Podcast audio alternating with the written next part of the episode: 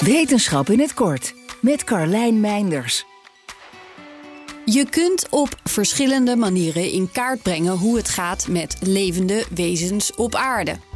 Onderzoekers uit Israël kozen ervoor om uit te rekenen hoeveel er van verschillende groepen rondlopen door naar hun totale gewicht te kijken. De gehele mensheid, berekenden ze, is goed voor 390 miljoen ton. Toen ze vervolgens gingen kijken naar het aandeel wilde zoogdieren die op het land leven, schrokken ze. 22 miljoen ton wegen alle wilde zoogdieren bij elkaar.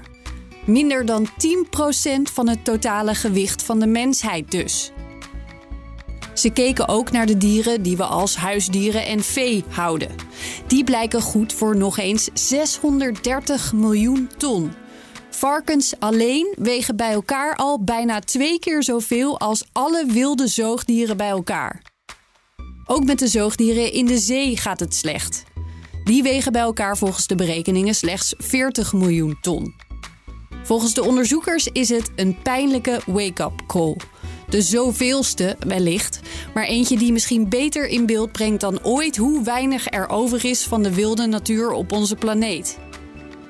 Natuurlijk hebben deze dieren niet met z'n allen op een weegschaal gestaan en hebben ze in het onderzoek hier en daar schattingen moeten gebruiken.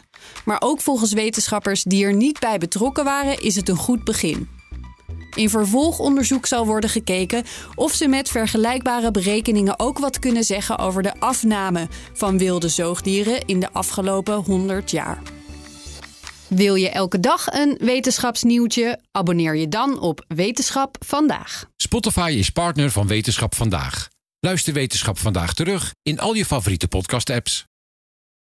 Ook Liesbeth Staats vind je in de BNR-app. Ja, heel handig. Luister live naar Kees en mij tijdens de Daily Move. Dan blijf je ook gelijk op de hoogte van breaking news en het laatste zakelijke nieuws. En daar vind je ook alle BNR-podcasts, waaronder de Perestrooikast. Download nu de gratis BNR-app en blijf scherp.